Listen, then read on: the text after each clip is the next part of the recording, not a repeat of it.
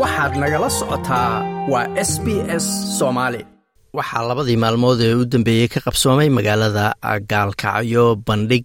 Lagu soo bandhigay buugaag sidoo kalena looga hadlay nabadeynta magaaladan gaalkacyo oo u kala qaybsan labada maamul goboleed ee puntland iyo galmudug. Bandhiga ayaa waxaa ka soo qayb galay madaxa ka kala socota maamul goboleedyada iyo dowladda federaalka abwaano iyo madax dhaqameedyo kala duwan. Dadka ka qayb galay waxaa ka mida wasiiru dowlaha arrimaha deegaanka iyo isbeddelka cimilada ee dowladda federaalka ah aadam awxirsi. Wasiirka ayaan khadka telefoonka ee magaalada gaalkacyo waxa aan ku weydiiyey bal barnaamijkan arrimaha waaweyn ee looga hadlayey iyo waxa uu ku saabsanaa waxaana uu yiri bismillahi raxmaan raxiim waa mahadsan tahay. Xasan walaal barnaamijkan wuxuu ku saabsanaa waa barnaamij ay magaalada gaalkacyo oo labada maamulba ah qabsadaan. Sanadkii labaad ba hadda aan nasiib u yeelna inaan ka soo qayb galo barnaamij nabadana loogu dabaaldego gaalkacyo ay heshay bacdamaa wakti dheer ay yaro kala gooneyd oo dagaalo iyo waxaas ay ka soo dhaceen labada maamul ee puntland iyo galmudug maxaa la yidhaahdaa nabad iyo isxagal ay ugu dabaaldegayaan dhinacna bandhiga buugaagta uu ka jiro oo qoraayo tiro badan ay buug ay qoraan ku bandhigayaan. Maxaa la yidhahdaa buugna lagu iibsanayo oo maxaa la yidhaahdaa buugag qoraa hore u qoraa oo tiro badan lagu iibsanayo marka waa labo daraf. Dhinacna book fair wax la yidhaahdo bandhiga buugagta weye dhinacna waxaa la loo dabaaldegayaayo la celebrate gareynayaa nabadda ay gaalkacyo haysato iyo maxaa isdhexgalka isdhexgalkana waa lagu sii dheereynayaayo maxaa lagu sii kordhinayaa. Haddii ilaha idmahayo nabadana waa loogu dabaaldegayaa xamar baan ka nimid. Maxaa la yidhaahdaa waxaan markaa ka soo qayb galnay shirkaas isaga ah.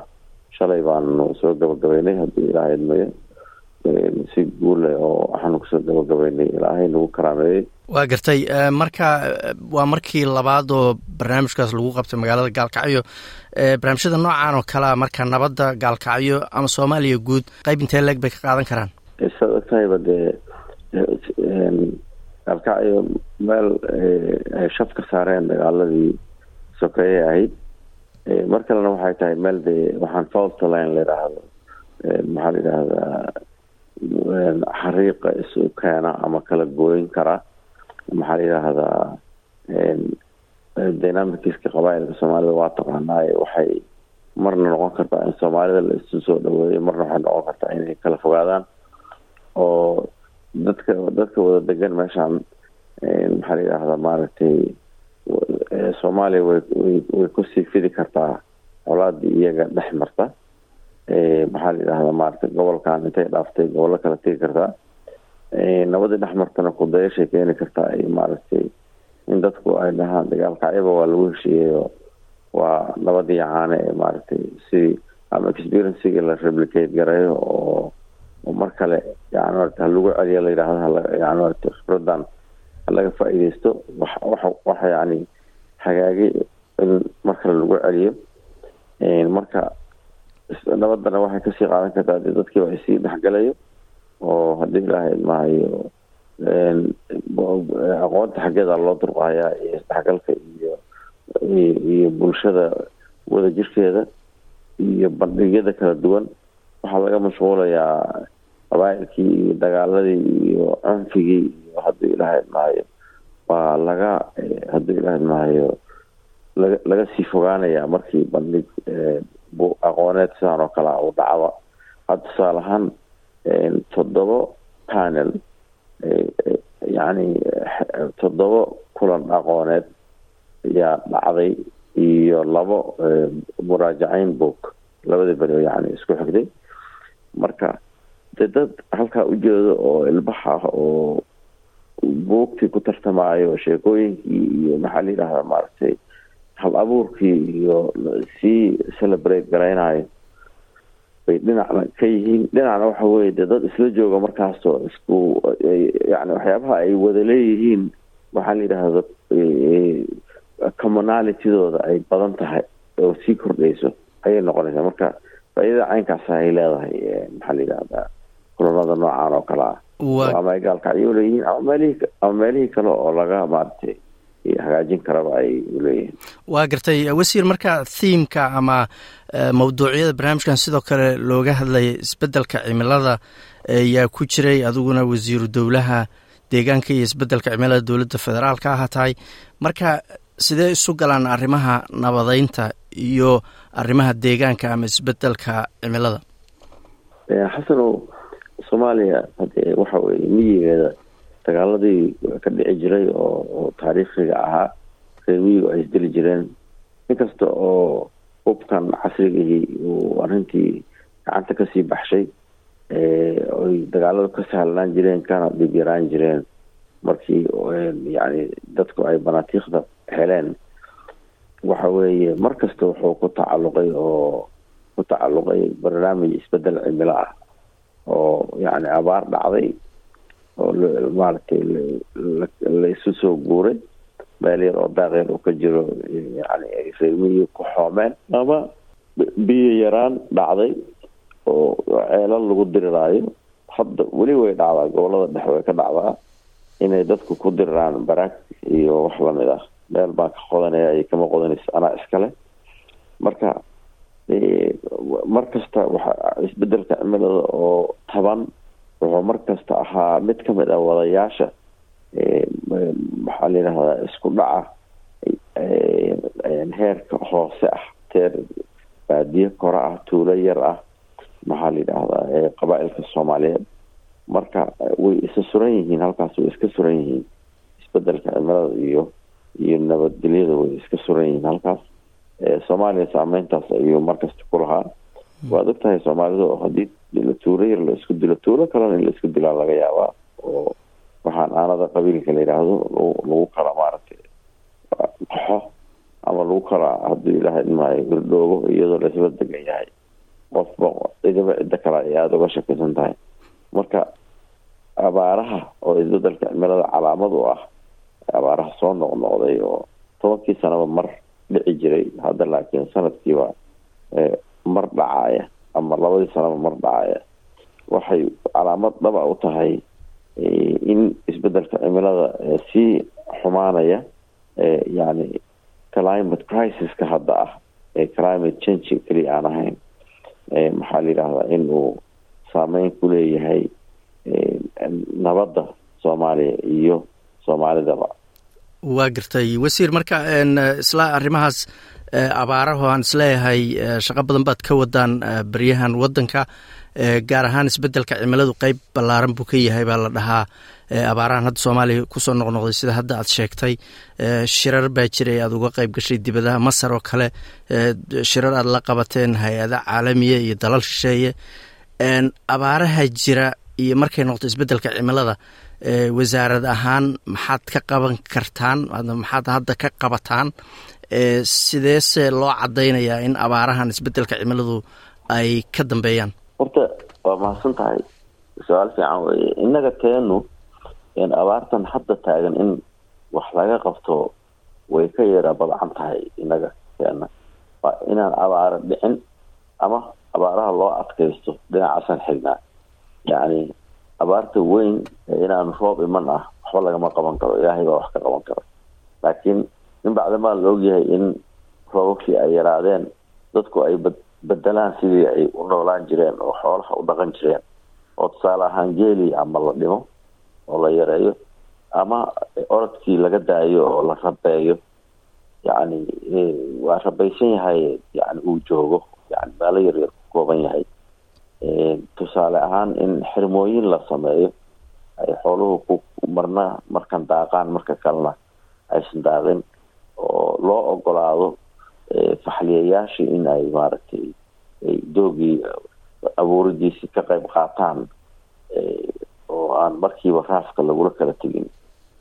Waa qorshayaal waaweyn weeye oo in ama abaaraha loo babac dhigo ama qaniyadooda la xnaf jiro oo yani wara iyo biyo qabadyo iyo miyiga laga sameeyo xirmooyin laga sameeyo keliyada biyaha la orda ee badda ku dara maxaa la yidhaahdaa iyo dooxooyinka la la xirmeeyo oo dhexda lagu qabto harooyin yani sameeyo haddii ilaahay maayo waa arrimo qorshayaasheena ku jira oo marka la doonayo in loogu dabac dhigo isbeddelka taban ee cimilada waa laakiin wakti dheer weeye. Midantan abaaraha abaaraha ergeyga abaaraha u qaabilsan madaxweynaha oo uu magacaabay maalmihii la doortayba waxyar kadib. Iyo hay'addan madaxa banaan hay'addan aan idhaahdee ma madax banaane hay'addan sodma la yidhaahdo hay'adda maareynta masiibooyinka soomaaliya oo maalin dhawid aanu boorka ka jafnay labadaasaa ku howlan iyo wasaaradaha dowlad goboleedyada ee maxaa la yidhaahda maareynta masiibooyinka marka kuwaasaa hadda arrintaa gacanta ku haya laakiin inagu sawirka weyn baan maaragtay diirada ku haynaa meesha aan u soconnana waxa weeye in la xanaftiro abaarahan la ogyahay inay ka soo dhadhawaanayaan sidoodii hore ama ka soo badanayaan. Oo ilaahay bay waxaa gacantiisa ku jiraane. Haddii sida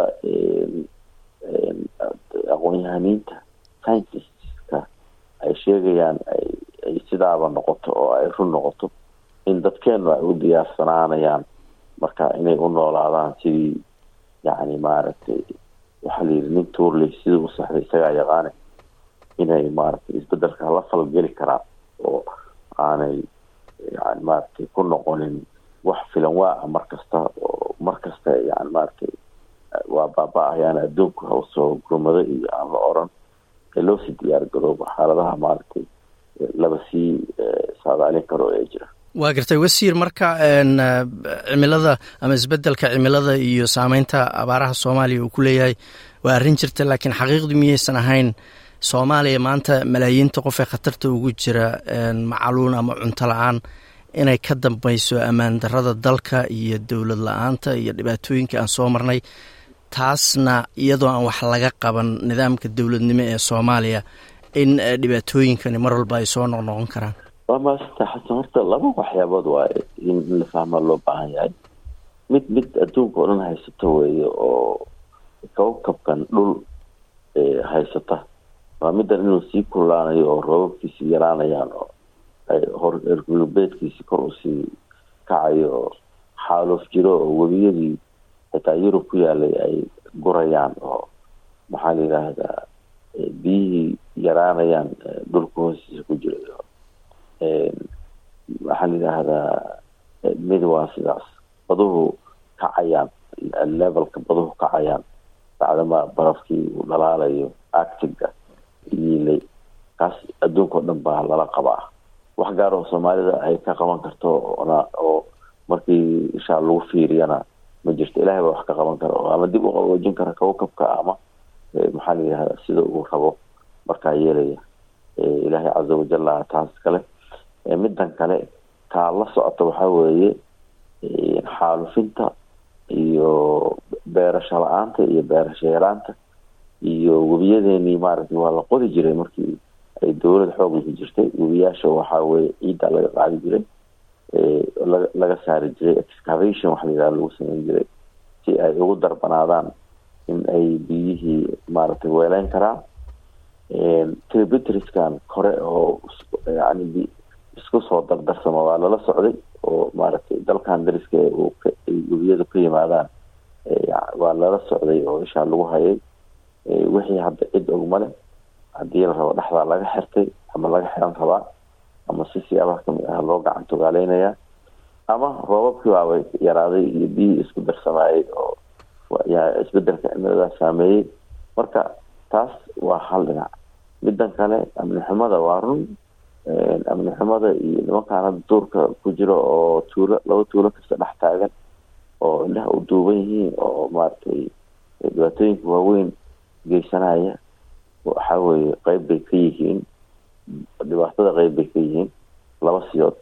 Mar beerashadii iyo wixii oo dhan bay maaragtay disruption ku sameeyaan. Dad badan oo beeran lahaa miyiga joogay baa caruurtoodii kala soo cararay dhinaca kalena in dadkii gargaar la gaarsiiyo bay sidii ay ahaan lahayd ka adkey ka adkeynayaan horeyna uga adkeeyeen oo yani waa kuwii maalin dhawey gubay baabuurta gargaarka wada dadka masaakiinta u wada gobolka hiiraan laba kun iyo kob iyo tobankii waad ogeyd iyo iyadona maarata saasoo kale u hor istaageen. Dad in la kaalmeeyo dad baa dhintay waa la ogaa marka waa run amni xumada waxa weeye qeyb bay ka tahay. Dowlad xumada qeyb bay ka tahay. Waxaa la yidhaahdaa soomaaliya afartan sano abaartan oo kale maysan arag waa run laakiin haddana waxaa dhaba weligeed abaar oo kale oo sidaan iyadoo u jilicsan may arag.